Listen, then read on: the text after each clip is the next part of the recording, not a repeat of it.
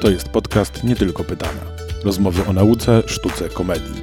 Bardzo mi pomoże, jeśli zaobserwujesz i ocenisz ten podcast. Miłego słuchania.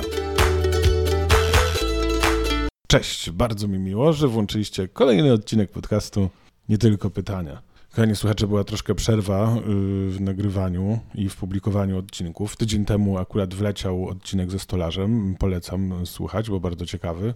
Bo, bo zalało mi komputer. Jest obecnie w naprawie, ale dzięki, uwaga, sponsor, moja siostra. Dzięki mojej siostrze mam komputer zastępczy i udaje mi się nagrywać kolejne wywiady. Dzisiaj wywiad z Marcinem Pakulskim, który jest fizjoterapeutą. Cześć. Słuchaj, zacznijmy od najprostszego pytania, czyli jak zostać fizjoterapeutą? E, bardzo łatwo, wystarczy pójść na studia fizjoterapeutyczne, e, fizjoterapii, zdać studia, skończyć studia i kształcić się do końca życia i nigdy nie przestawać. E, Bardzo łatwo w takim razie. brzmi trochę jak więzienie, ale No właśnie, bo to się tak może wydawać, że fizjoterapeuta, szczerze mówiąc, ja tak kiedyś myślałem, zanim cię poznałem, że fizjoterapeuta to jest zasadniczo ktoś, kto, nie wiem, tam umie masować i zna parę trików, nie wiem, może zrobił jakiś tam kurs fizjoterapeuty, a to są całe studia, tak? tak, tak, to są całe studia pięcioletnie, e, magisterskie w tym momencie. Jest w ogóle bardzo ciekawe pojęcie fizjoterapeuty w oczach e, pacjentów, w sensie właśnie jako masażysty, tak? Bardzo dużo fizjoterapeutów e, by się obraziło, jakbyś go nazwał masażystą. E, Ja do nich nie należę, bo przez większość życia byłem masażystą, dopiero potem zacząłem być fizjoterapeutą. Ale tak, są to dwie różne, dwie różne rzeczy. Jest zasa- zasadnicza różnica między masażystą a fizjoterapeutą, głównie w kompetencjach, jakie stanowiska mogą obejmować, czy też jakie, y, jakimi rzeczami mogą się zajmować masażyści, a jakimi fizjoterapeuci. Fizjoterapeuta jest trochę obszerniejszym zawodem. A rehabilitant jest też, y, wchodzi w, jakby jak się ma rehabilitant do y, fizjoterapeuty, to jest zupełnie coś innego, czy jakby część rehabilitantów to Nie, raczej, czy- raczej fizjoterapeuta to rehabilitant. To jest taki zamiennik, to samo, to samo słowo, to samo znaczenie. Kiedyś, kiedyś po prostu były studia rehabilitacji, czy też studium rehabilitan- rehabilitacji. Teraz, teraz się na to mówi fizjoterapeuta. A gdzie się studiuje y, rehabilitację? Fizjoterapia, widzisz? No właśnie. Teraz już nigdzie. Tak, a gdzie się studiuje fizjoterapię? W sensie to na uniwersytecie, no jeżeli w Warszawie byś W Warszawie y, oprócz prywatnych y, uniwersytetów jest, są studia, jest kierunek fizjoterapia na AWF-ie i jest fizjoterapia na WUM-ie. I są to dwie główne szkoły w Warszawie. No, w Polsce jest mnóstwo uczelni, które się tym zajmują. A ty gdzie studiowałeś? Ja studiowałem na WUM-ie. No. Warszawski Uniwersytet Medyczny. I to Brzmi dumnie. brzmi dumnie, no nie, no to jakby to jest, wiesz, jesteś kolejnym przedstawicielem zawodu medycznego w ogóle tutaj, tak, bo to jest jeden z zawodów medycznych, Tak, jak tak, rozumiem, tak. no bo y, było paru lekarzy, ale był na przykład też, mm, o teraz mi brakuje słowa, właśnie nie rehabilitant, nie, nie sanitariusz, tylko podobne, taki co jeździ karetką, ratownik, Ratownik. medyczny, tak, tak, Sławek Dyduła i właśnie też y, całe studia, też tak się czasami może wydawać, że to jest taki ktoś, kto Mhm. zrobił kurs i tam sobie jeździ karetką, a nie, nie, to są całe, całe poważne studia. Tak, tak, tak. No, y, przede wszystkim bardzo często się wydaje, że jakby na studiach człowiek się uczy wszystkiego, prawda? Że to 5 lat nauki to, to już człowiek wychodzi gotowy i każdy fizjoterapeuta wychodzi z tą samą wiedzą i jest jak taki, wiesz, produkt w fabryce, który, który już wie wszystko, jest gotowy na, do pracy. A prawda jest taka, że większość z, fizjoterapeutów, których znam, albo mówię tylko za siebie tak naprawdę, kończąc studia, człowiek jest trochę zagubiony. Na zasadzie jest, y, wiesz, wpajają ci wiedzę przez 5 lat, a tu się okazuje w praktyce, że dostajesz pacjenta, jest nagle, o kurczę, panika, nie wiem co, co zrobić, prawda? To jakby im dłużej pracujesz z pacjentami, musisz przebić parę barier takich wewnętrznych, że tak powiem, nie no, przecież wiem co robię, wiem co teraz mam zrobić, tak? Y, Tylko po prostu muszę zebrać swoją wiedzę do kupy. To jest parę takich kroków, które, które trzeba przejść po tych studiach. No i przede wszystkim właśnie najważniejsze jest to, że po studiach nie kończy się robota. To jest tylko początek. Jakby studia to jest taka, wiesz, podstawka, do której możesz w ogóle otworzyć drzwi do, do fizjoterapii. Moim zdaniem przynajmniej, gdzie możesz pójść na konkretne kursy rozwijające, wybrać swoją ścieżkę w ogóle rozwoju i tak naprawdę zacząć uczyć się, czym jest fizjoterapia i jak to wygląda w praktyce, jak można pomóc człowiekowi, bo y, tych dróg w samej fizjoterapii jest naprawdę mnóstwo i to jest też swoją drogą fascynujące, wiesz, jak, jak dużo masz możliwości wyboru po studiach. To mnie ciekawi i o to chcecie zapytać, ale zanim to chcecie jeszcze zapytać, czy na samych studiach już jakieś specjalizacje się wybiera, czy studia są takie same dla wszystkich? Nie, studia są takie same dla wszystkich, aczkolwiek przy procesie nauki, tak, studiowania, już każdy z nas gdzieś tam łapie jakąś zajawkę, coś cię interesuje bardziej, coś mniej, wiesz, jesteś lepszy w pisaniu prac akademickich, jesteś lepszy w praktycznym e, trenowaniu z pacjentem, idziesz w treningi personalne, idziesz w, w klinikę jakby, wiesz, każdy znajduje gdzieś tam swoją niszę i, i ją rozwija. Więc ciężko powiedzieć, żeby, żeby studia dawały każdemu to samo, bo ja to zawsze na to patrzę, że studia e, dają ci możliwości, masz miejsce, gdzie możesz sobie robić rzeczy, ale co ty zrobisz tak naprawdę na tych studiach zależy w dużej mierze od ciebie. No i dobra, to jakie to są takie kierunki rozwoju, w jaką stronę może pójść fizjoterapeuta? Kierunków fizjoterapii, czy też specjalizacji w fizjoterapii jest e, całe mnóstwo i jak sobie spojrzysz na mnogość specjalizacji lekarskich, czy też mnogość specjalizacji medycyny, tak, czy medycyna kosmetyczna, czy medycyna sportowa, stylu życia i tak dalej, i tak dalej, naprawdę można wymieniać na pęczki. Do każdej z tej medycyny e, da się podpiąć e, w jakiś sposób fizjoterapię. Mm, nawet chociażby we sporcie da się wykorzystać fizjoterapię i są też e, fizjoterapeuci, którzy we sportach się znajdują. Dosyć abstrakcyjne połączenie zdawałoby się, a, a nie no, wyobrażam sobie najbardziej... uszkodzenia tutaj tak, dokładnie. na, nadwyrężenie. Zresztą ja to ci powiem anegdotę, zresztą mówiłem ci ją, ale powiem teraz tak na antenie, że ja sobie kiedyś niechcący sam dokonałem rehabilitacji akurat przy pomocy e-sportu, bo mhm. miałem złamaną rękę i nie miałem rotacji w nadgarstku i coś tam jeszcze. I ja czasem grałem w FIFA i po jakimś czasie, po tym złamaniu, ja cały czas nie miałem tej rotacji i pograłem w FIFA tak z godzinę mhm. i potem przestałem i tak, ej, bardziej się ruszam. W sensie, no jednak te mięśnie w tej ręce się tak, tak poruszały, że naprawdę to było niesamowite. Godzina FIFA mi dała bardzo dużo wtedy. No to pytanie, czy kontynuowałeś grę w FIFA i czy tak przywróciłeś się już do pełni zdrowia? Mm, no, trochę kontynuowałem, już nie pamiętam, ale na pewno gdzieś tam czasem gram. Yy, czyli tak, w sporcie, ale nie no, w psychiatrii to pewnie nie ma yy, rehabilitantów. Szczerze mówiąc, yy, nie jestem pewien, czy, czy na oddziałach psychiatrii są fizjoterapeuci de facto, aczkolwiek jestem w stanie sobie wyobrazić sytuację, gdzie taka, taki fizjoterapeuta byłby pomocny. Tak naprawdę człowiek jest jednym. Często się dzieli to bardziej mhm. w ten sposób, że jest psychologia i ciało tak, że jest umysł i ciało. E, w pewnym momencie zdałem sobie sprawę, że wszystko jest jednym.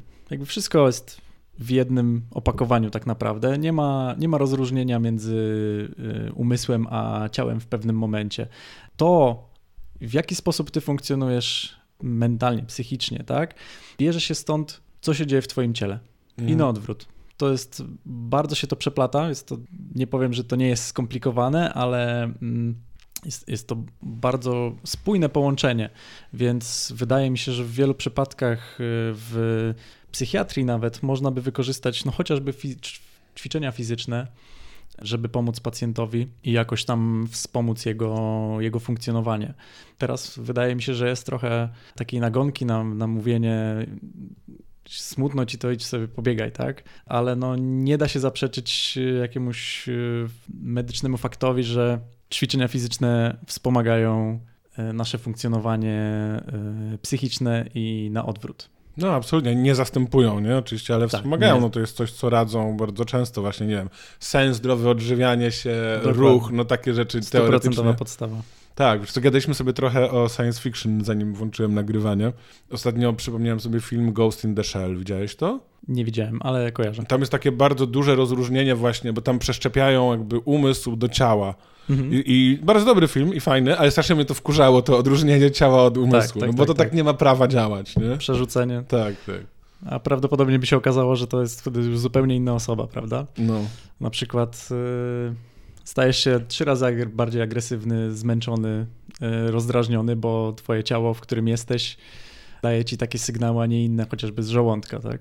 No tak, no to też, też jest taka kolejna rzecz, właśnie nie wiem, to, to już bardziej z zakresu połączenia, no ale to też jest ciało, dietetyki i zdrowia psychicznego, że jedzenie kiszonek pomaga na samopoczucie. Tak, Prawdopodobnie, tak. to chyba nie jest tak na 100%, ale no, że to na nie... Na mikroflorę tak, jelitową tak.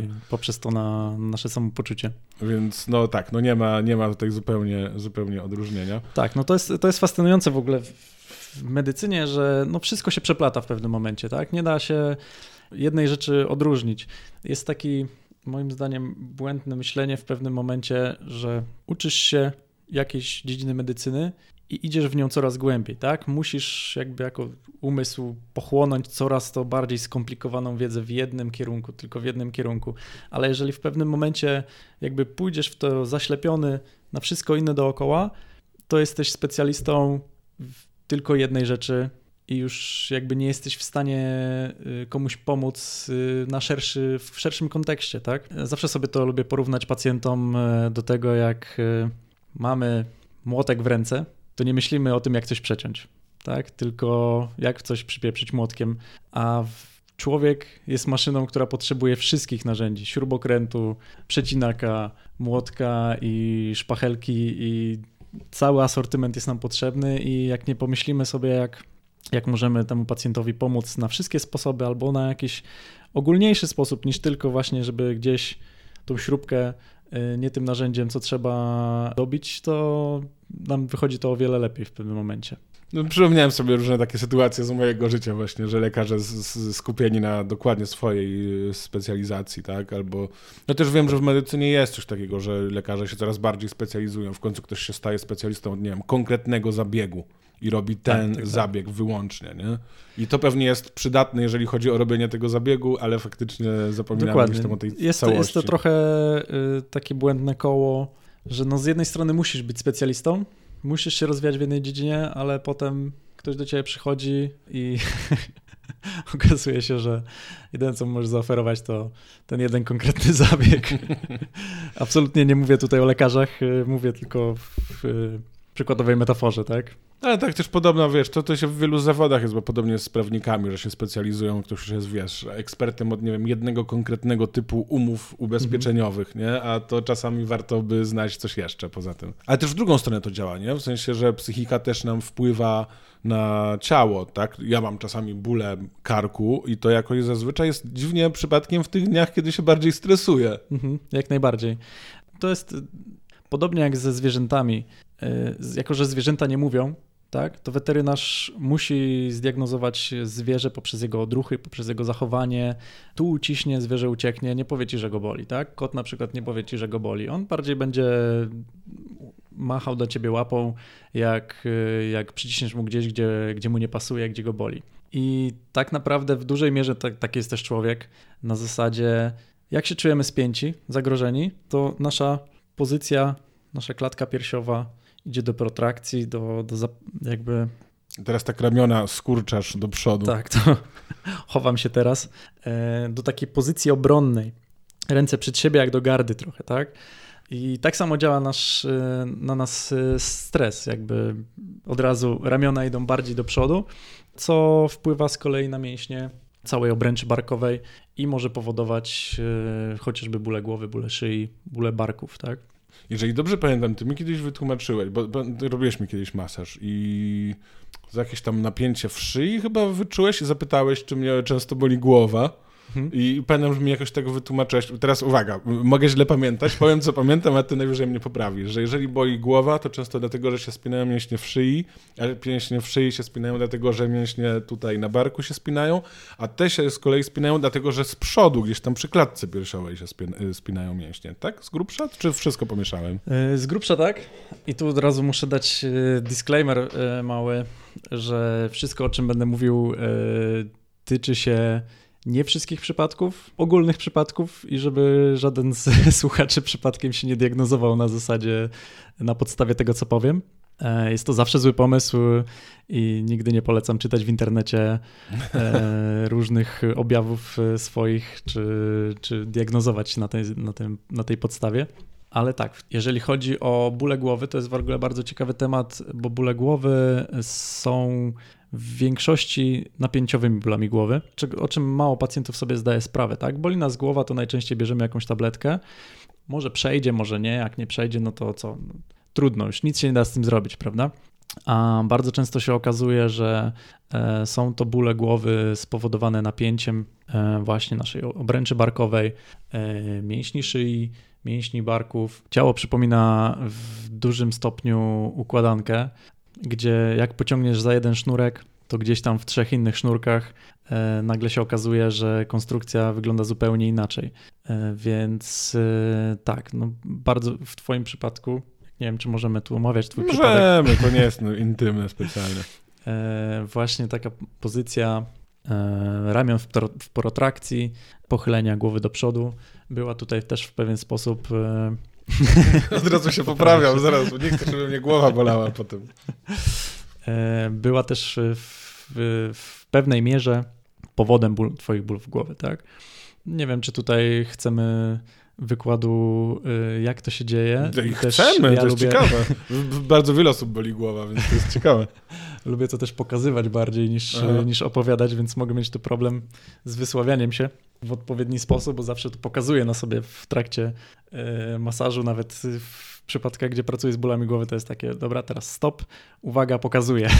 więc, więc tutaj możemy mieć z tym problem, żeby to sobie wyobrazić, ale E, jeżeli chodzi o bóle głowy, bardzo często właśnie ta pozycja pochylenia się do przodu, pochylenia ramion do przodu, trochę wbrew e, takiemu chłopskiemu rozumowi powoduje napięcia mięśni e, z tyłu, tak? Z tyłu głowy, z tyłu szyi. Działa to trochę na zasadzie masztu. Jak mamy maszt, który jest pionowy, tak? I mamy do niego przyczepione sznurki, które go gdzieś tam ustawiają w tej pozycji pionowej, no i problem pojawia się, kiedy z jednej strony zacznie za, za sznurek ciągnąć, to problem nie będzie z przodu, zatem w tym sznurku, który, za który ciągniesz, tylko prędzej jakieś uszkodzenie się pojawi w tym sznurku, który jest z drugiej strony, tak? Za który ten maszt cały zaczyna szarpać. Na podobnej zasadzie tutaj to działa z szyją. Naprawdę boję się trochę wchodzić w ten temat zbyt głęboko, ale w skrócie e, bóle głowy bardzo często są powodowane protrakcją ramion, czyli pochyleniem ramion do przodu, pochyleniem głowy do przodu, co niestety przytrafia się 90% pacjentom naszym, czy też po prostu 90% ludzi, którzy w naszym świecie żyją, tak? Mamy wielką ilość e, ludzi, którzy pracują zdalnie, którzy pracują przy komputerach, jeżdżą samochodami, więc jak sobie wyobrazisz tak naprawdę w, w jakiej pozycji spędzasz większość swojego czasu, to się okazuje, że jest to pozycja pochylona się do przodu, głowa do przodu, barki schowane, tak, klatka piersiowa, mostek schowany do, do środka. No i wiadomo, że jakieś to konsekwencje musi ze sobą mieć. Też wracając znowu do koncepcji człowieka jako zwierzę. Człowiek wyewoluował z istoty, która e, spędzała całe dnie na dworzu i 80% aktywności człowieka to była aktywność ruchowa, tak? Czy to polowanie, czy to mm, zbieranie, chodzenie, jakby to wszystko są pozycje, które człowiek gdzieś tam, wszystko są aktywności, pozycje, e, ruchy, które człowiek wykonywał e, non-stop, codziennie, do końca życia. Może to życie nie było zbyt długie, ale e, ale mogę sobie wyobrazić, że, że ruchowo człowiek faktycznie w dawnych latach przeżywał większość swojego życia w dobrym stanie fizycznym, przynajmniej pod kątem stawów tak, i ruchomości tych stawów. W dzisiejszych czasach bardzo wiele nas psuje takich cywilizacyjnych zachodnich wynalazków, pomijając y, elektronikę, komputer, telewizor i telefon E, możemy skończyć na czymś takim jak krzesło chociażby, tak? Naturalnie człowiek jest stworzony, żeby kucać, żeby robić przysiad, tak? Jak człowiek odpoczywa, to odpoczywa na kucaka. Nie klęcząc, tylko kucając, tak? Jak człowiek się załatwia fizjologicznie, jak patrzymy na dziecko, ono kuca i się załatwia, załatwia swoją potrzebę fizjologiczną yy, kucając. Człowiek jest do tego stworzony, żeby wykonywać tą czynność przez całe życie. To nie jest tak, że tylko niemowlak, tylko sześciolatek, tylko dziesięciolatek jest y, stworzony do tego, żeby kucać. Nie, powinniśmy jako sześćdziesięciolatki, siedemdziesięciolatki, osiemdziesięciolatki też kucać i też spędzać tak naprawdę większość naszych dni mm, w naturalnych dla nas pozycjach. Biegać albo kucać, nie? Jak często biegamy i kucamy teraz, to praktycznie tak. nigdy, nie? Dokładnie. Znaczy, ja osobiście, no ja nie biegam i nie kucam. I nie kucam. To kucanie też jest inne, nie? W sensie to jest takie z oparciem na piętach, taki, ten taki słowiański, słowiański przykuc, przykuc, nie? To bardzo jest... zdrowy, polecam. Tak. Sam nie jestem w stanie nawet go wykonać, ale ale to też jest, Ale myślę, to jest pewnie też kwestia y, tego, że jak jesteśmy, no w tamci ludzie prawdopodobnie rzadko byli otyli, nie? I pewnie jak już jesteś, masz większą wagę i gdzieś ten środek ciężkości inny, nie wiem, i brzuch, no tak jak no teraz jest dużo otyłych osób, no to pewnie też jest trudniej kucać niż kiedy jesteś sobie lekkim człowiekiem. nawet to może nie być kwestia wagi w pewnym momencie, tylko tego, że po prostu w pewnym momencie przestajemy się ruszać, tak? E, Stawy człowieka e, mają to do siebie, że potrzebują ruchu na okrągło. I teraz, jeżeli dajmy na to w barku, tak, w stawie ramiennym, nie wykonujesz wznosu nad głowę, tak? Nie, nie musisz nic w życiu sięgać nad głowę. Czekaj, podnoszę rękę do góry, jakbym, jakbym zrywał jabłko z jabłoni. Dokładnie, jakbyś albo odkręcał żarówkę, Mhm. tak? Jeżeli e, przez, dajmy na to, Nie, czekaj, to jest przyjemne, przepraszam, że ci wejdę w słowo, ale to jest przyjemne całkiem, no. e, jeżeli dajmy na to przez 3 lata, byś e, nie podnosił ani razu ręki do góry, nie potrzebował po prostu tego ruchu, tak? Stworzyłbyś sobie takie środowisko zewnętrzne, że wszystko miałbyś niziutko, nie potrzebowałbyś podnieść tej ręki do góry. Bardzo możliwe, żeby się okazało, że nie byłbyś w stanie podnieść ręki po trzech latach. Nawet myślę, że krócej, tak? To już przykładowo rzucam e, numerami trochę znikąd, ale tak. Żeby utrzymać jakiś zakres ruchomości, potrzebujemy go wykonywać.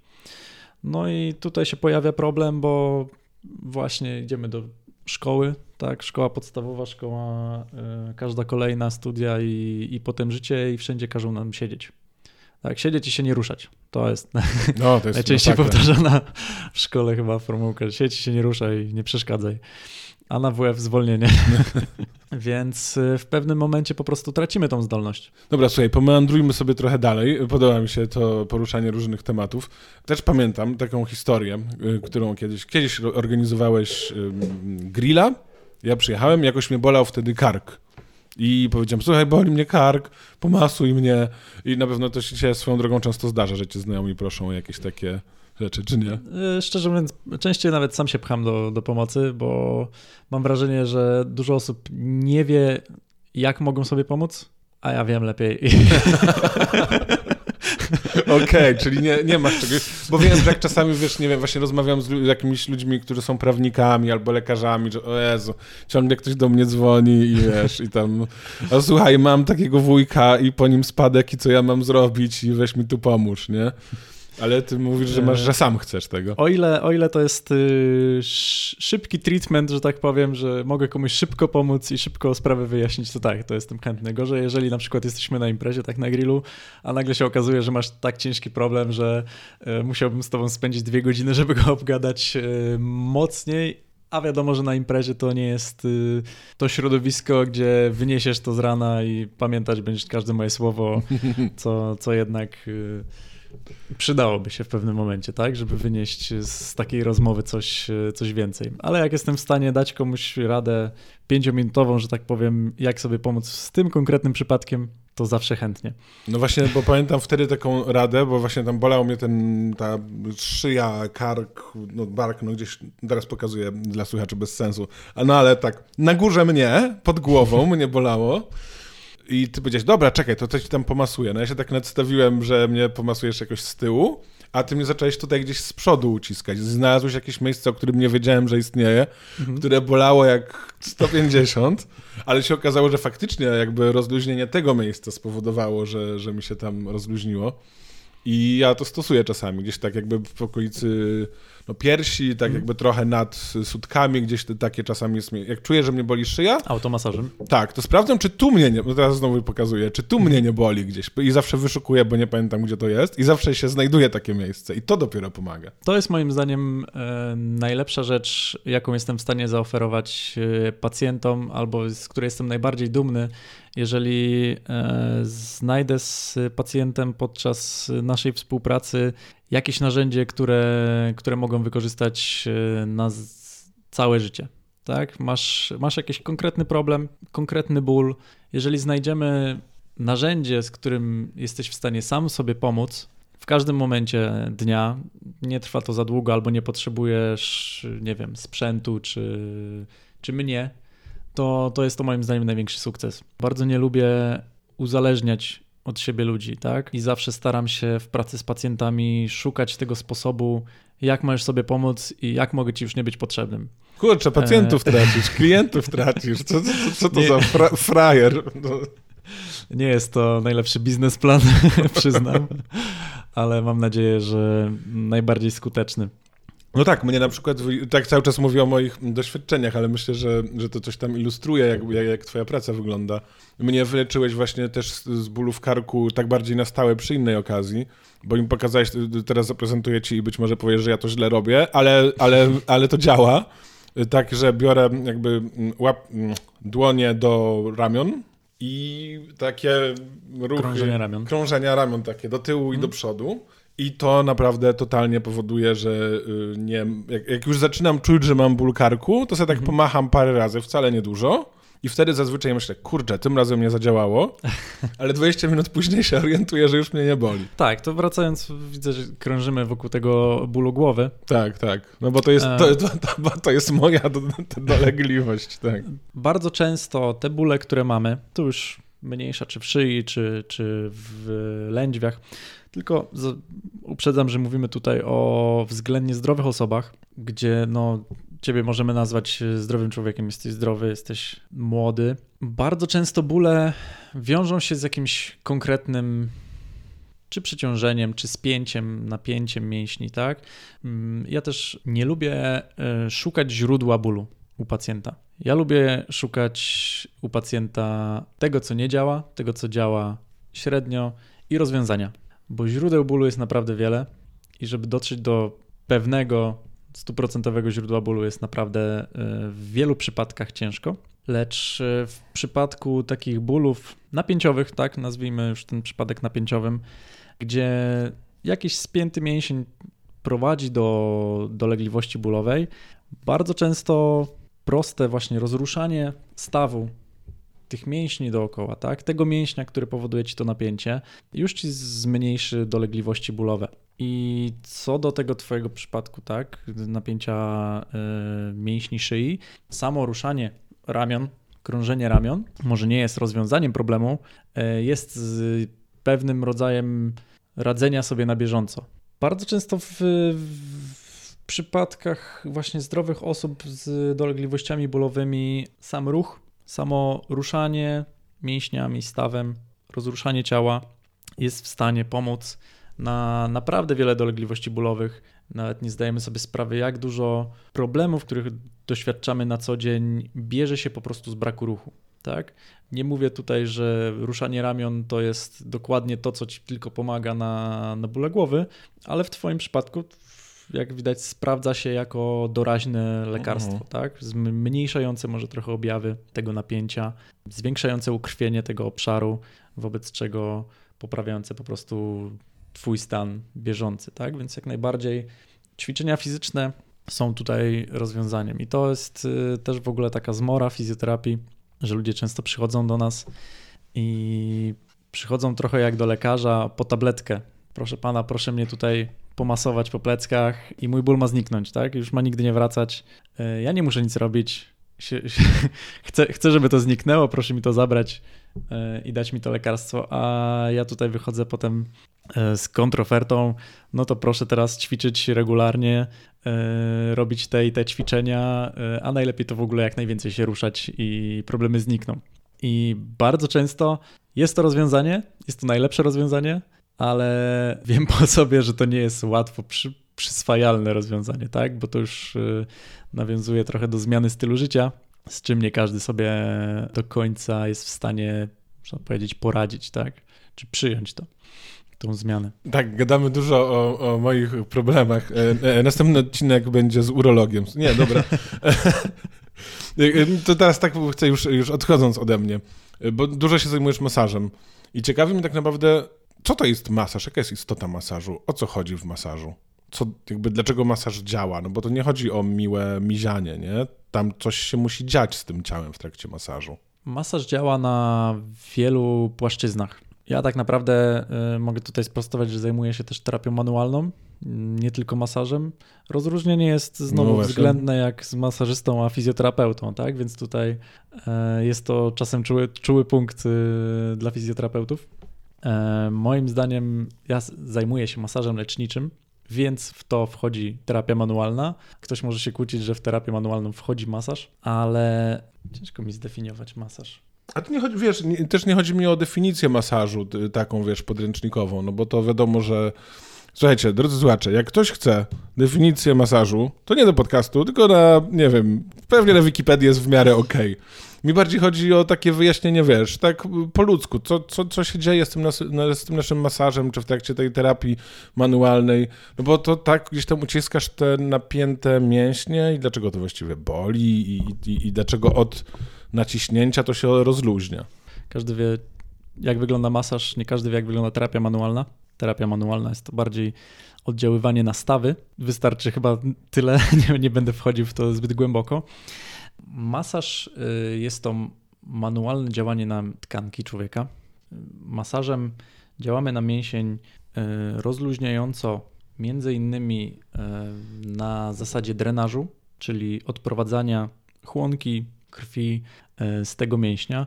Jak sobie wyobrazisz mięsień jako taki sznurek, to napięty mięsień ma większą objętość prawda?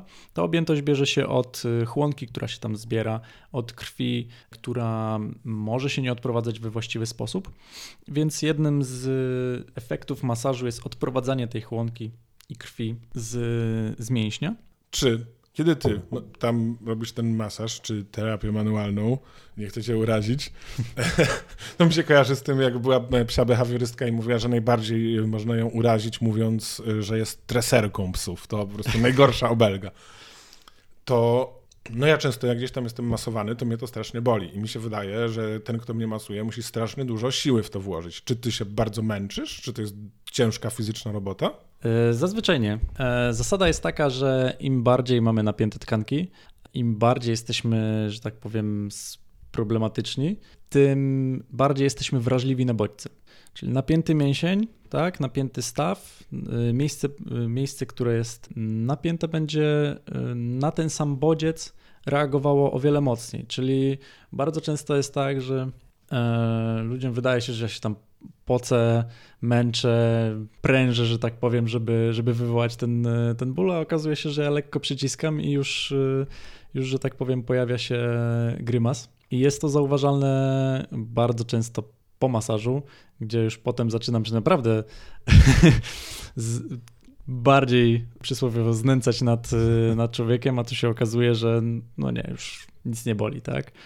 Mm, więc taki objaw tego, że właśnie wydaje mi się, że ktoś bardzo mocno mnie uciska w tym miejscu, bardzo często jest y, spowodowany tym napięciem tkanek w tym, y, w tym regionie. I jest to też y, dla mnie zawsze jakieś narzędzie do, do diagnostyki, tak? Czy tu napnę i widzę, że, że ktoś, że tak powiem, skrzywi się, czy, czy jęknie, czy powie mi po prostu, że, że boli, bo to też rozmowa jest tutaj kluczowa podczas terapii. Mm, mówi mi, że to miejsce jest też y, problematyczne, chociaż y, tak naprawdę to działa w dwie strony. Ja bardzo często dotykając, tak, palpując y, miejsce, jestem w stanie powiedzieć, czy ci to boli, bo czuję napięcie. I to też bardzo często się wydaje komuś, o Boże, skąd pan wiedział, że to boli? Tak, no po prostu dotykam, czuję, że twarde jak skała, no to już jakby z doświadczenia wiem, że to przyjemne nie będzie. Na tej samej zasadzie to działa.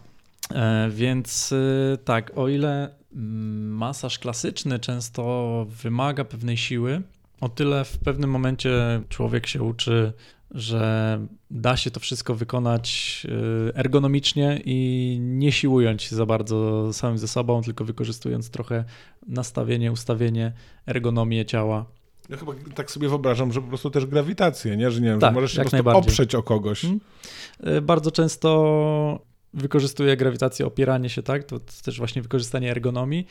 I na przykład y, podczas masażu samego w sobie, jak się oprę na tobie, powiedzmy, i czuję wtedy, czy twoje ciało pozwala mi iść do przodu, czy, że tak powiem, ta tkanka mnie hamuje, tak? I też mi to mówi, w jakim stanie są, są te tkanki, czy one są bardziej napięte, czy mniej napięte. Tak, grawitacja jest tutaj głównym moim narzędziem i wcale nie muszę chodzić na siłownię, żeby, żeby komuś sprawić ból.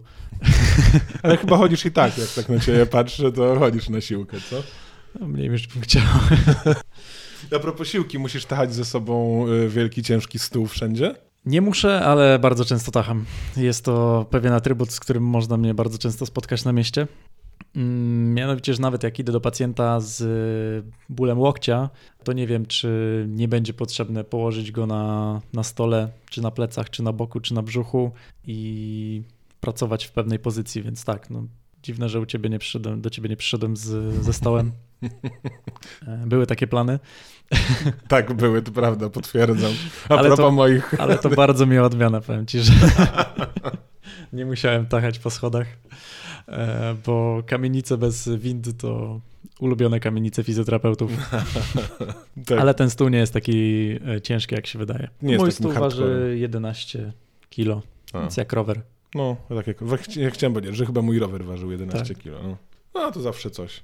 Ale co, jak jednak mimo wszystko, jak masz taki po całym dniu pracy, no nie wiem, jesteś zmęczony tak fizycznie? Czy, czy to jest też praca fizyczna? Czy już jesteś przyzwyczajony i nawet nie wiesz, jak odpowiedzieć na to pytanie, bo E, jest tak na, pewno, naturalne. na pewno jest to w- praca fizyczna, ale w o wiele mniejszym stopniu niż by się wydawało.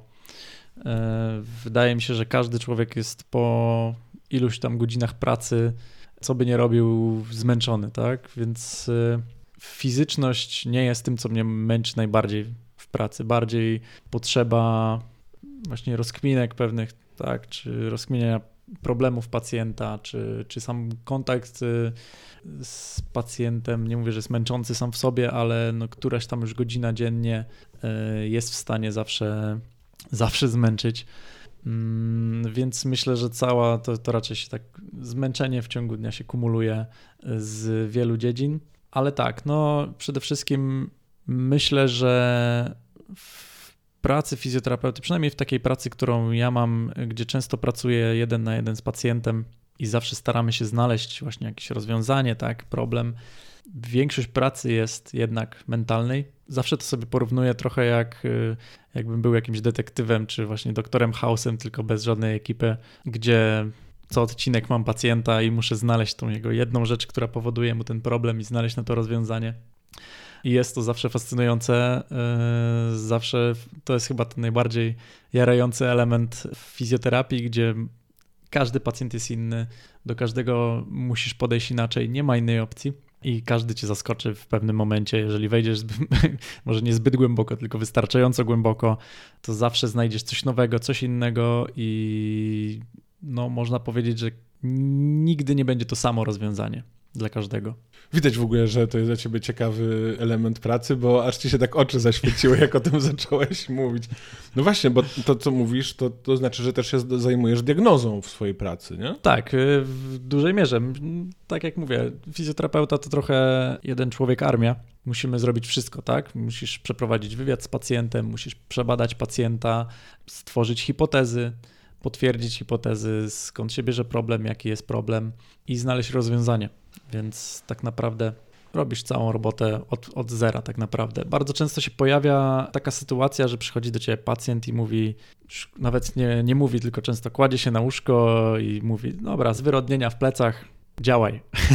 A ja wtedy mówię, hola, hola, przepraszam, ale tak, tak się nie da, musimy jednak troszeczkę pogadać i, i trochę tego czasu spędzić, yy, patrząc sobie w oczy, żebym w ogóle wiedział, za co się zabrać, tak? W jakim wieku masz pacjentów zazwyczaj? Chyba nie ma zakresu wiekowego. Mm, Nie zajmuję się na pewno niemowlakami, dziećmi raczej rzadko. Tak naprawdę zakres wieku dorosłego człowieka od początku do końca to jest zakres wieku moich pacjentów zazwyczaj. Gdzie trafiają mi się 23-latki z problemami, trafiają mi się 40-latki z problemami, trafiają mi się 60-latki z problemami. Potrafią być to problemy podobnej natury. Tak jak mówię, nigdy takie same, ale, ale powód może być bardzo podobny zawsze. A płciowo jak to się rozkłada? No bo z, z, różnych rodzajów pomocy medycznej różne płcie częściej albo rzadziej korzystają. Taką mam jakąś intuicję, że częściej się zgłaszają kobiety, ale to jest prawda czy nie? Wiesz co, nie prowadzę statystyk y, pod tym względem, ale odbiera się takie wrażenie, zwłaszcza, że pracuję w przychodni, gdzie mamy kontrakt z, NFZ, z NFZ-em i faktycznie większością pacjentów są kobiety, ale zastanawiałem się nawet nad tym, skąd to się bierze. Czy faceci mniej są bólowi, czy, czy to jest tak, że kobiety bardziej o siebie dbają e, i bardziej się tym zajmują? Bardzo ciężko mi odpowiedzieć na to pytanie, ale faktycznie, e, no tak patrząc na samą przychodnię, to większość pacjentów stanowią kobiety. No wiesz, sobie wyobrażam też, jeżeli na przykład byśmy mówili o seniorach, no to po prostu jest więcej kobiet seniorek, no bo mężczyźni krócej żyją. Ale nie, też, zdążyli dotrzeć. Tak, jakby no nie, nie, nie zdążyło ich rozboleć, bo nie żyją. No też może jakoś kulturowo, nie? Że co mnie tu w jakiś fizjoterapeuta, no bo to chyba często tak, mężczyźni. Tak, myślę, nie? że ten koncept y, jest bardzo często, ale z drugiej strony to jest w ogóle ciekawe, że już trochę się zmienia takie myślenie pacjentów, że a dobra, boli to albo pójdę do ortopedy i da mi jakieś lekarstwo właśnie, albo, albo nic z tym nie zrobię i przecierpię to. Bardzo często już się ludzie zgłaszają faktycznie z problemami i próbują się ratować, że tak powiem, zanim to osiągnie jakiś tam krytyczny poziom, albo też często po prostu działają profilaktycznie, co jest naprawdę najlepszym, co możecie zrobić, zadziałać profilaktycznie, tak? Czyli już wiem, że mam jakiś problem, mam jakąś tendencję do bólu, ból pleców, ból szyi, tak? To co mogę zrobić, żeby on już nie występował? Bardzo, bardzo rzadko profilaktyka przychodzi przed bólem, co jak już ktoś zrobi profilaktycznie coś przed, przed problemem, to jest naprawdę ukłony. tak być powinno, ale, ale bardzo rzadko się tak zdarza. Bardziej profilaktyka jednak w, w, praktyce pojawia się po jakimś problemie, żeby do tego problemu dalej nie dopuścić. No, macie, że gdyby ktoś zrobił przed problemem, to ten problem by się nie pojawił, więc by nie było wiadomo, że zrobił przed problemem. Tak, dokładnie. No. Co mam robić, żeby ten problem się nie pojawił, który jeszcze się nie pojawił, prawda? To już podchodzi pod paranoję, co prawda. A w ogóle jeszcze, jeżeli chodzi o płcie, to w tym zawodzie też mam takie skojarzenie, że jest więcej mężczyzn, fizjoterapeutów, czy nie? Y, nie jestem pewien. Hmm. Na studiach y, mam wrażenie, że było mniej facetów. O. W praktyce zawodowej też raczej spotykam może nie mniej. Raczej, raczej jest to faktycznie około 50 na 50. A, okay. Też znowu, e, ja nie prowadzę żadnych statystyk, e, więc... No tak, ale ja cię pytam o twoje wrażenia, bo jakoś tak, ja, może ja może źle pamiętam, może to jest też moje skojarzenie przez to, że znam ciebie i jeszcze jednego fizjoterapeutę e, znałem niestety, bo nie żyje. Y, star, starszy pan, ale też nawet jak tak pamiętam, że kiedyś z moją babcią chodziłem, tam jakoś tam jej pomagałem chodzić na jakąś fizjoterapię, to takie, takie jakieś mam skojarzenie, że tam rejestracja kobiety, a potem jak się szło dalej, to już tam mężczyźni tam obsługiwali, ale może to nie wiem, to było tylko jedno, jedno miejsce. Raczej, tak jak mówię, w praktyce myślę, że jest to 50-50. Jeżeli tutaj już mówimy o płci, to po prostu bardzo często na przykład fizjoterapią ginekologiczną zajmują się kobiety albo treningiem sportowo zajmują się fizjoterapią faceci, chociaż tutaj też nie chcę przesadzić, bo jest bardzo dużo bardzo dobrych fizjoterapeutek, które, które zajmują się sportem. I też na pewno bardzo dużo fizjoterapeutów, którzy zajmują się ginekologią, ale faktycznie są pewne po prostu specjalizacje, które można stwierdzić, że jakoś tam statystycznie są bardziej przejęte przez y, daną płeć ale już y, co do liczebności fizjoterapeutów pod względem płci to raczej nie ma, nie ma znaczenia i w każdej fizjoterapii znajdą się odpowiednie osoby do odpowiedniej roboty, że tak powiem. Skoro jesteśmy przy grupach, to jest taki w ogóle stereotyp, że fizjoterapeuci nie lubią się z ortopedami.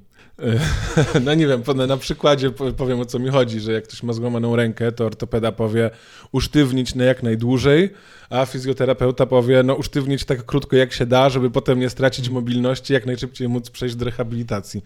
Czy ten stereotyp ma jakieś pokrycie w prawdzie? Bardzo dobrze to określiłeś. E, nie chcę tutaj wszczynać wojny z ortopedami. Okej. Okay. E, więc E, nie... Co następne pytanie? Z ortopedami mamy wiele wspólnego i bardzo szanuję fizjoterapeutów, którzy współpracują z ortopedami i ortopedów też, którzy właśnie doceniają pracę fizjoterapeuty i konsultują ją przede wszystkim. I jeżeli ta współpraca istnieje, to jest ona bardzo, bardzo korzystna dla pacjenta. Niestety często się zdarza, że tak jak mówisz, to jest takie typowe, e, można powiedzieć, e, typowy przypadek. Mm, dokładnie to, co opisałeś, że ortopeda chce to usztywnić na jak dłużej i to ma swoją podstawę. To nie jest, że tak powiem, głupi pomysł, tak?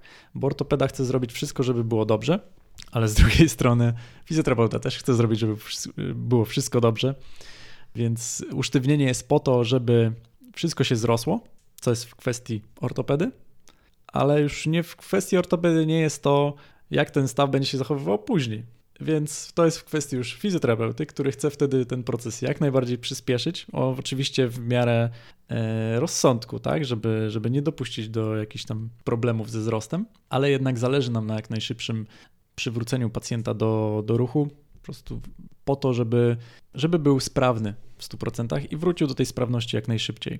Więc no jest to pewien, może nie kompromis, ale tak jak mówię, każdy pacjent jest inny i u każdego trzeba znaleźć odpowiednie miejsce, w którym możemy działać, a jeszcze byśmy musieli poczekać, tak? I tutaj, no tak jak mówię, współpraca tych dwóch y, specjalistów jest, y, jest ważna i, i kluczowa temat osteoporozy, bo wiem, że jest fizjoterapia przy osteoporozie. Nie wiem, czy ty się w ogóle na tym znasz i, i się tym zajmujesz, czy faktycznie jest, y, istnieje coś takiego jak fizjoterapia przy osteoporozie, bo trudno mi to sobie wyobrazić, jak miałaby pomagać. To nie jest moja specjalizacja, ale osteoporoza jest to stan, w którym w kości zaczyna brakować y, jonów wapnia, jakby ubywa tkanki kostnej w kości. I fizjoterapia jest tutaj jednym z kluczowych tak naprawdę lekarstw czy też rozwiązań, mianowicie nacisk na stawy, nacisk na kość e, powoduje potrzebę naszego ciała, żeby tą kość wzmocnić. E, tu znowu wracamy do przypadku braku ruchu w stawie, tak? Czy przez jakiś czas. Jeżeli nie obciążasz kości, to te kości nie mają potrzeby, żeby być twarde, tak? I na tej zasadzie też może to nie jest powód osteoporozy, ale ale też często rozwiązanie. I na tej zasadzie działa adaptacja naszego ciała w przypadku osteoporozy, gdzie osiowy nacisk na kość w odpowiednim oczywiście natężeniu powoduje zwiększoną potrzebę naszego ciała, żeby tą kość wzmocnić. Tutaj możemy sobie wyobrazić, że nasze ciało reaguje bardzo na to, na nasze potrzeby. Nasze ciało jest nauczone, czy też nasze ciało jest y, zaprogramowane, żeby się adaptować. I tak musimy patrzeć na nasze ciało. I te mechanizmy adaptacyjne nie biorą się znikąd, tak? To nie jest tak, że sobie powiemy, a chcę być silniejszy, więc nagle mięśnie mi przybędą i 10, 10 kilo więcej jestem w stanie dźwigać. Nie, najpierw musimy pokazać ciału, że ja potrzebuję w tym miejscu, w tym przypadku więcej siły. Tak? I tak działa trening. Idziesz na siłownię i pokazujesz swojemu ciału, ja chcę robić przysiad. Chcę zrobić przysiad z takim ciężarem chcę umieć podnieść ten ciężar, e, chcę zrobić to, chcę zrobić to. Ono reaguje adaptacją, czyli mówi, jak mówimy tutaj o treningu siłowym, e, nie wchodząc w biomechanikę ciała, reaguje wzrostem. Tak? Mięsień, e, wiedząc, że nie dawał rady albo mógłby zrobić to lepiej następny raz, zareaguje wzrostem, zareaguje wzrostem siły mięśniowej. I na tej samej zasadzie działa w większości tak naprawdę działa fizjoterapia i tak w podobny sposób działa fizjoterapia w przypadku osteoporozy, że dajemy ciału sygnał, że potrzebujemy mieć większą odporność na nacisk. Tak? To nam daje kość, więc ta kość pod wpływem treningu bardzo często siłowego reaguje e, zgęstnieniem po prostu kości. Trening siłowy jest to bardzo dobre lekarstwo na, na osteoporozę i jest ono wykorzystywane e, w fizjoterapii, osteoporozy. A słuchaj, skoro jesteśmy przy złamaniach, ortopedach, osteoporozie i tak dalej, to pomyślałem sobie o zimie i o nartach i o tym, że pewnie ludzie wtedy częściej się łamią. Czy ty masz jakoś tak, że w swojej pracy są okresy w roku, kiedy więcej albo mniej yy, masz pacjentów? Czy, czy to się tak nie rozkłada zupełnie? E, na pewno jest pewna sezonowość. Dobry przykład podałeś e, pod względem skręceń i złamań, e, zwłaszcza kończyn dolnych, chociaż nie tylko. Ustalmy jedno, pacjentów zawsze jest dużo i przyczyn, do których, z którymi do nas trafiają jest mnóstwo ale tak, no zawsze, zawsze po sezonie zimowym jest dużo złamań, dużo skręceń, dużo takich przypadków, więc y, może ta ilość pacjentów zawsze gdzieś tam się znajdzie do, że tak powiem, do wypełnienia, ale, ale te przypadki lubią być y, sezonowe i narty bardzo często kończą się zerwanym ACL-em, złamaniem, skręceniem i tak dalej, i tak. To raz patrząc z praktyki, zauważyłem, że mam więcej pacjentów pojawia się na jesień i jest to spowodowane moim zdaniem brakiem słońca. Dzień staje się coraz krótszy, jest coraz chłodniej, coraz mniej wychodzimy na dwór, coraz mniej e, spędzamy czasu na dworze, spędzamy czasu na aktywnościach fizycznych, wobec czego te problemy tak naprawdę nam nawracają, tak? Tak jak mówiliśmy, bardzo często rozwiązaniem naszym, naszych problemów jest po prostu ruch. I to jest najprostsze lekarstwo, jakie możemy sobie dać. Coś nas boli napięciowo, to potrzebujemy się rozruszać, zacząć ćwiczyć. Bardzo często nam ten problem zniknie.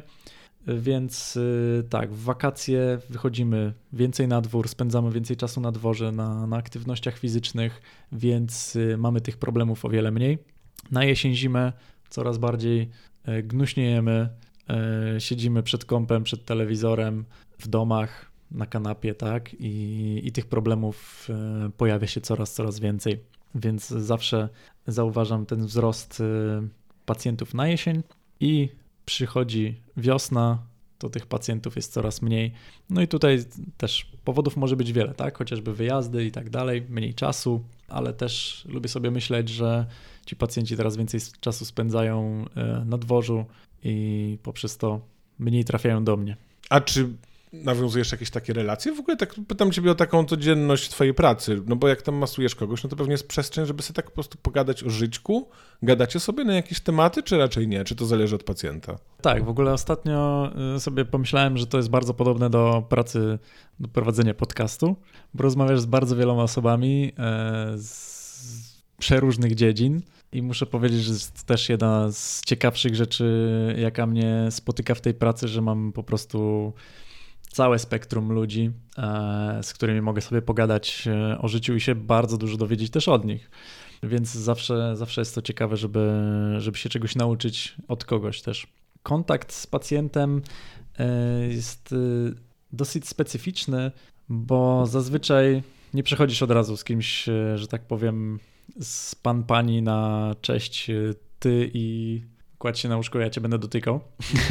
e, więc y, myślę, że przez to, że ten kontakt fizyczny się pojawia dosyć wcześnie, ta relacja jest y, może nie bliższa, ale na, na bliższym poziomie. Jest trochę bardziej konkretna. I no, relacja pacjent-terapeuta zawsze musi być zachowana w jakimś stopniu, i no, pewnych granic y, nigdy nie można albo nie, nie, po prostu się nie przekracza, tak? Ale jest to specyficzna relacja, trzeba przyznać, y, gdzie no jesteś jednocześnie, powiedziałoby się, obcym człowiekiem, a z drugiej strony od razu dotykasz kogoś tak i macie tą relację jakby kontaktu fizycznego e, mocną, e, więc y, tak, szybko, szybko się ta relacja zacieśnia e, na taki swój sposób właśnie pacjent-terapeuta. Jest to też różnica właśnie między często doktorem, gdzie po prostu stoisz, wiesz, doktor stoi za stołem, nie zbliża się i wręcz trzyma na odległość i chwila rozmowy, tak? Tutaj ten kontakt jest, jest bardzo bliski w pewnym momencie, ale no, nie na taki, w taki zawodowy sposób, nie osobisty, ale intymny na swój sposób. To raz.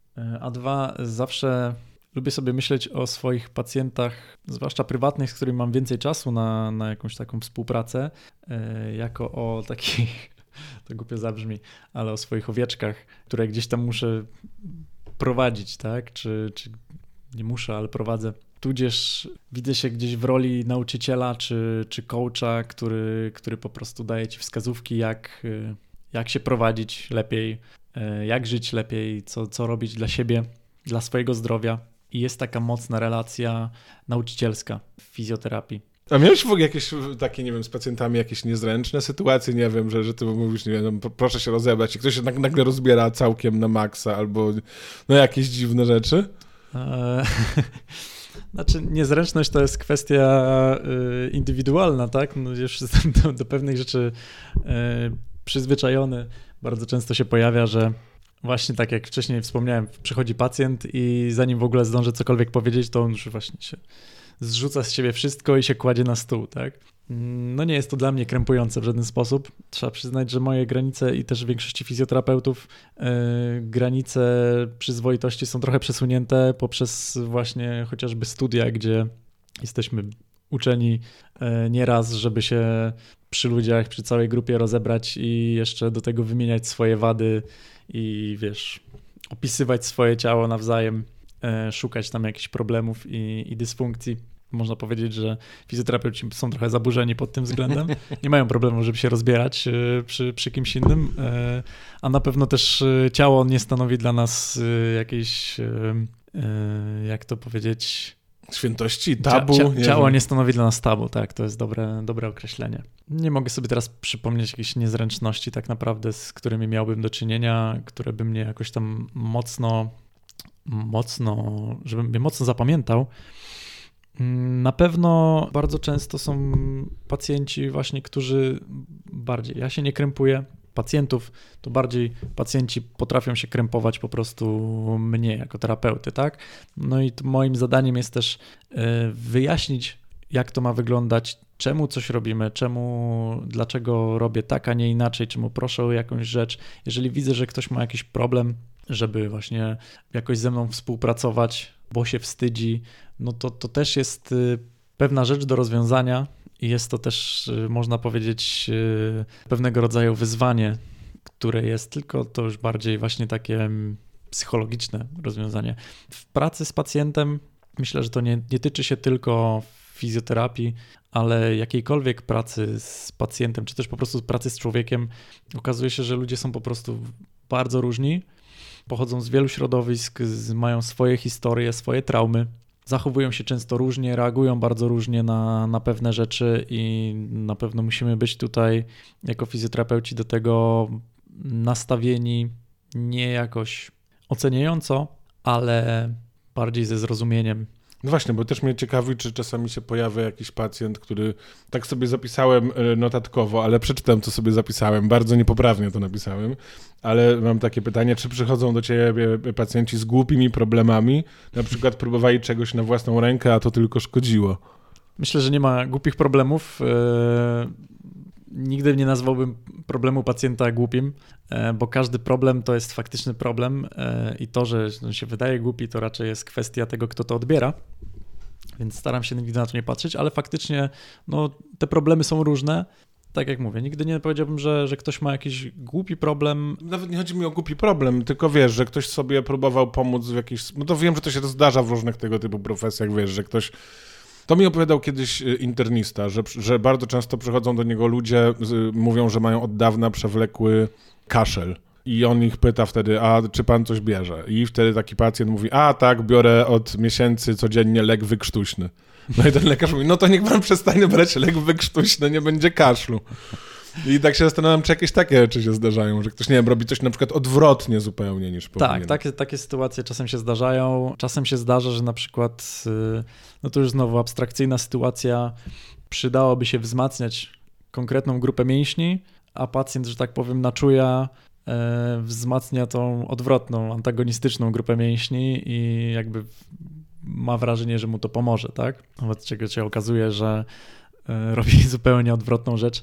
Raczej e, niewiele jest rzeczy, które pacjent może zrobić rzeczy, które mu zaszkodzą. No, oprócz takich faktycznie oczywistych rzeczy, jak przeciążanie się, tak, czy jakieś nagłe ruchy, do których nie jesteśmy przystosowani, które możemy zrobić y, trochę bezwiednie, ale ja uważam, że pacjent ćwicząc, próbując sobie pomóc w jakiś sposób, raczej nie zaszkodzi sobie aż tak bardzo, jak jakby to się mogło wydawać, że, że może sobie zaszkodzić. Bardziej sobie szkodzą pacjenci, którzy nic nie robią ze swoim problemem w tym wypadku, więc y, ja też staram się nie, nie ganić, że tak powiem, za, za jakieś próby sobie same, samopomocy. Bardzo często się to zdarza, że pacjent wie, jak sobie pomóc. Jak wejdziesz wystarczająco głęboko w rozmowę z pacjentem, to bardzo często się okaże, że pacjent sam ci pokaże, gdzie jest jego problem i sam ci pokaże, może sam nawet tego nie wie, ale pokaże ci, powie ci, gdzie jest jego rozwiązanie problemu. E, więc tu może to bardziej przypominać też czasem terapię po prostu taką z psychologiem, tak? gdzie, gdzie podczas rozmowy sam sobie uświadamiasz, co jest e, Twoim problemem i co jest Twoim rozwiązaniem. Takie przypadki są dosyć często. Ale jestem raczej zwolennikiem tego, że lepiej robić coś, żeby sobie pomóc, niż nie robić nic w obawie, żeby sobie nie zaszkodzić. Też pamiętam taką historię, yy, też na jakiejś tam imprezie kiedyś. Była, tym razem to nie jest o mnie, a o moim problemie. Była jakaś osoba, nie pamiętam szczegółów, nie będziemy oczywiście mówić, co to za osoba, miała jakiś tam problem i ty wtedy nam zacząłeś opowiadać sporo o tym, że jeżeli ktoś miał jakiś uraz w ciele, to ten jakby skutki i ślady tego urazu już de facto zostają na całe życie. Pamiętasz taki, pamiętasz, może wiesz, co mi może chodzić? Nie konkretny przypadek, ale wiem, wiem o co ci chodzi.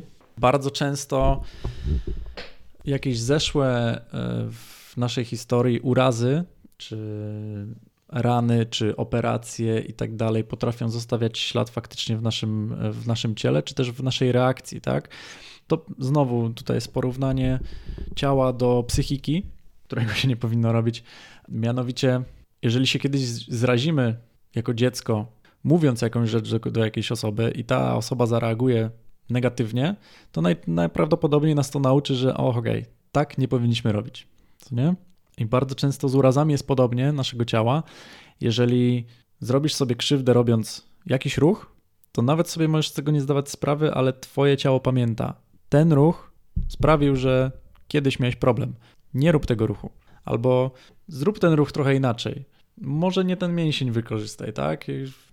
Tu już sobie jakby bardzo ogólnie mówię, nie chcę tutaj bardzo szczegółowo wchodzić e, znowu w konkrety, ale bardzo często próbujemy, próbujemy sobie jakoś skompensować, zrobić ten ruch trochę inaczej, wykorzystać inne mięśnie i, i faktycznie okazuje się, że przyczyną jest jakiś tam uraz e, z, z przeszłości. Nasze ciało działa trochę jak superkomputer, który jest e, naszpikowany receptorami. Tak, wszystko to, co czujesz, wszystko to, czego doświadczasz fizycznie, czyli powiew wiatru, ruch, to jak zamkniesz oczy i wiesz, gdzie jest twój łokieć, wiesz, czy twój palec jest spięty, czy nie, czujesz ciepło. E, Sprawdzam. Schowałem palec za plecy i patrzę, To jest czy... też test e, fizjoterapeutyczny. Tak? tak, na czucie głębokie, na propiocepcję. To, czy czujesz e, ciepło, zimno, ruch, dotyk, lekki, dotyk głęboki. To wszystko mówią ci receptory, które się znajdują w naszym ciele. I teraz zdarza się, albo ból też jest e, receptorem, który, e, który się w naszym ciele znajduje. Na przykład jednym z takich receptorów jest e, nocy, no są nocyceptory, które nam mówią o szkodliwym dla nas działaniu tak, na tkankę, czy bólu bardziej. Nocyceptory to takie receptory, które się aktywują od samego początku na jakiś szkodliwy czynnik wywołujący ból, czyli na przykład igła, tak? czy też jakieś ostrze, czy jakąś ostrą rzecz, którą bym dotykał, czy też ym, zbyt mocny bodziec, y, jak gorąco. To wszystkie, te wszystkie rzeczy mówią ci, że, że cię boli. I teraz jest coś takiego jak odruch ucieczki, czyli na pewno miałeś coś takiego w, kiedykolwiek, że oparłeś się o gorący blat, tak? Czy o kuchenkę na przykład. I teraz bardzo często, jak się oparzymy, to zabierzemy rękę, zanim w ogóle sobie uświadomimy, że się oparzyliśmy. Co nie jest tak, że o Boże, oparzy... to jest gorące, zabierasz rękę i dopiero wtedy patrzysz na rękę, czy, czy w ogóle coś się wydarzyło, czy, czy nie. I ten odruch zabrania ręki to jest mimowolny odruch. I każdy z nas go kiedyś tam doświadczył. E, jest to odruch, który jest bardzo, można powiedzieć, prymitywny, e, czy też po prostu prosty i bardzo dla nas pomocny dla zachowania życia, tak? Bo jakbyś się oparł o ten gorący, e, o tą gorącą kuchenkę, no to po prostu oparzyłbyś się o wiele mocniej. Więc ten odruch ucieczki musi być prostym odruchem, łatwym odruchem i działa on na wiele sposobów w naszym ciele. Opierasz się na czymś gorącym, więc zabierasz rękę, żeby się nie oparzyć dalej, tak? Mięśnie, które pchają cię w kierunku tego bodźca bólowego, zostają wyciszone, zinhibitowane, a mięśnie, które zabierają ci rękę w drugą stronę, muszą zostać zaaktywowane. I jest to odruch, który działa na dużej skali, czyli zabierasz tą rękę, możesz nawet odskoczyć często, ale jakby ból był mniejszy, czyli nawet jak ja teraz wezmę i paznokciem ci przejadę po skórze, to nadal twoje nocyceptory odbierają to jako bodziec bólu, chociaż nie przekracza on jeszcze pewnej skali e, progu, który ty uważasz za ból, ale te nocyceptory już działają i już w tym momencie są gotowe, żeby zaaktywować twoje mięśnie w dany sposób. I teraz to działa na wiele sposobów. Mianowicie miejsce urazu, dajmy na to blizna, potrafi w pewien sposób bodźcować cały czas to miejsce urazu, dając mu cały czas ten sygnał ucieczki. Tak? Czyli nie wiem, jakie, jaką część ciała powiedzieć, żeby to miało sens e, w, w tłumaczeniu bez pokazywania. Teraz patrzysz na swój biceps, tak? Tak, chyba zgięcie, zgi łokieć będzie najprostszy, mhm. bo się tylko y, zgina i prostuje w, w metaforze. To więc y, jeżeli zrobisz sobie przecięcie na przedramieniu, tak, to twoim ruchem do bodźca bólu będzie zgięcie. Twoim ruchem ucieczki od bodźca bólu będzie wyprost łokcia. I teraz, jeżeli dajmy na to, masz bliznę na, e, w tym miejscu i od razu zaznaczam, mówimy bardzo ogólnie i metaforycznie, proszę sobie tutaj tego nigdy nie, nie diagnozować na podstawie tego, co mówię samemu. Miejsce urazu na przedramieniu w tym wypadku potrafi czasem dawać ten sam bodziec nocyceptorowy, że tak powiem, to miejsce potrafi ci mówić cały czas na małym bardzo procencie, na małym poziomie, że halo, tu jest problem, nie idź do góry, nie zginaj tego łokcia do góry, tak? Bo tu był uraz, tu jest uraz, tak? Dla ciała to raczej nie ma, yy, nie ma różnicy, czy też można to bardziej traktować jako traumę jakąś, że zrobiłeś coś, więc to cię zabolało, więc już raczej już tego nie rób. To wychodzi od tej blizny, która daje ci ten sygnał nocyceptorowy, tu jest ból, nie idź wyżej, nie zginaj tego łokcia, bo cię to boli, tak? Wejdziesz, wejdziesz w ten nóż, czy też w ten uraz jeszcze bardziej. Więc wyprostuj ten łokieć, tak? Wyhamuj ten biceps, aktywuj triceps i tak dalej. Blizny potrafią trzymać ten w tą w sobie informację jakiś czas, czy też po prostu potrafią bodźcować te nocyceptory w tym regionie, dając na małą skalę, na naprawdę mikroskalę taki sygnał dla tego stawu, dajmy na to. I to nie, już nie patrzymy na staw, tylko na całe ciało w pewnym momencie, ale dla wyjaśnienia będzie patrzenie sam łokieć będzie prostsze. I co się okazuje? Dajmy na to, masz 6 lat, jak to się wydarzyło, co nie? I na pół procenta, że tak powiem, w twoim ciele jakieś nocyceptory dają ci sygnał hamuj, łok, hamuj biceps, aktywuj triceps trochę bardziej. Co się stanie, jak masz 36 lat? Przez, dajmy na to 30 lat, miałeś ten sygnał w łokciu, żeby trochę bardziej aktywować jedną część ciała, aktywować trochę mniej drugą część ciała. I może się okazać, że dajmy na to masz jakąś asymetrię w ciele. Lewy bark jest trochę wyżej, trochę niżej, ciało trochę bardziej skłania się w pewną stronę, czy też yy, cała praca łokcia jest zaburzona w jakiś sposób i boli cię łokieć, albo boli cię szyja, albo boli cię bark. Jakby tu już y, nie mówię o konkretach, tak, tylko o, o tym, gdzie coś może się pojawiać.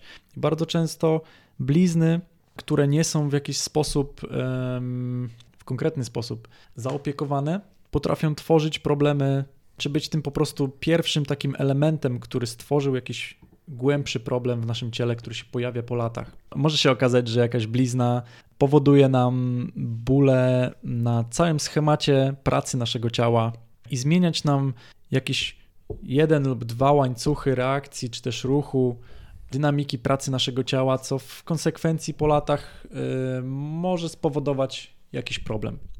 to jest dosyć skomplikowany temat. Ale ciekawy, że tak przez jakby kilkadziesiąt lat cały czas jakiś stary uraz działa i powoduje dalsze pewnie stopniowe nawarstwianie tak, się kolejnych to prawda.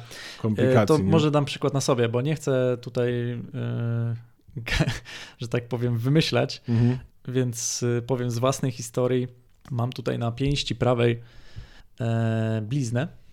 Tu pokazuję ci, Aha, tak. inny nie widzi. Ledwo mało, e, bardzo mało widoczną, więc Tak to od razu mówimy, że jest mała to blizna. E, więc jak byłem na kursie, który zajmował się taką pracą na, na receptorach, okazało się, że ból kolana lewej nogi, który miałem od około roku, po oczywiście po całym procesie diagnostycznym to nie jest e, łatwa rzecz, więc znowu nie będę wyjaśniał, jak do tego doszło, ale cały proces badania tutaj, e, tutaj przebiega. Zabawa, wygląda trochę jak zabawa w elektryka, co działa, co nie, zapalasz jedną świeczkę, e, znaczy przełącznik, patrzysz, co się świeci, co nie świeci. Okazało się, że ta blizna na moim ręku, prawym ręku, jest ym, w pewien sposób powiązana z bólem mojego kolana. I chwila pracy na ręce, na bliźnie, dosłownie 5 minut pracy manualnej, od tamtej pory nie boli mnie kolano lewe. To są, można powiedzieć, tego rodzaju często powiązania, tak?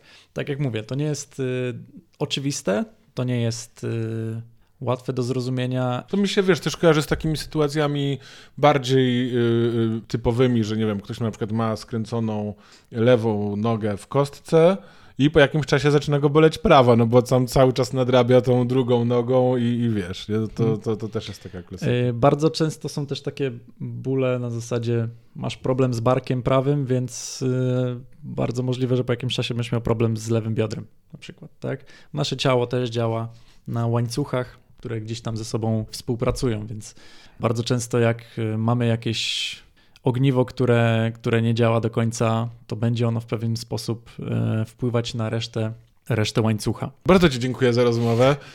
Y, Marcin Pakulski. Wam, drodzy słuchacze, przypomnę, chyba to zrobię, w związku z tym, że no, ten mój komputer mi się zalał, a ten podcast powstaje między innymi dzięki wsparciu patronów. Przypomnę o tym, że jest Patronite, który być może będzie mi bardzo potrzebny, żeby kupić. Śmieję się, ale niestety jestem bardzo zrozpaczony, tym bardziej, że jedna bardzo ciekawa rozmowa na tym starym komputerze jest, moi drodzy, i bardzo chciałbym ją opublikować, a nie da się go wyłączyć, bo jest zalany. No masakra. No nic, y, w takim razie przypominam o Patronite i zachęcam do słuchania kolejnych odcinków. Dziękuję Ci bardzo, Marcin. Dziękuję ślicznie. Dziękuję Wam, drodzy słuchacze, i do usłyszenia w kolejnym odcinku. To był podcast Nie Tylko Pytania. Zaobserwuj i oceń ten odcinek. Jeśli chcesz dołączyć do grona patronów, wejdź na patronite.pl ukośnik Nie Tylko Pytania. Dziękuję.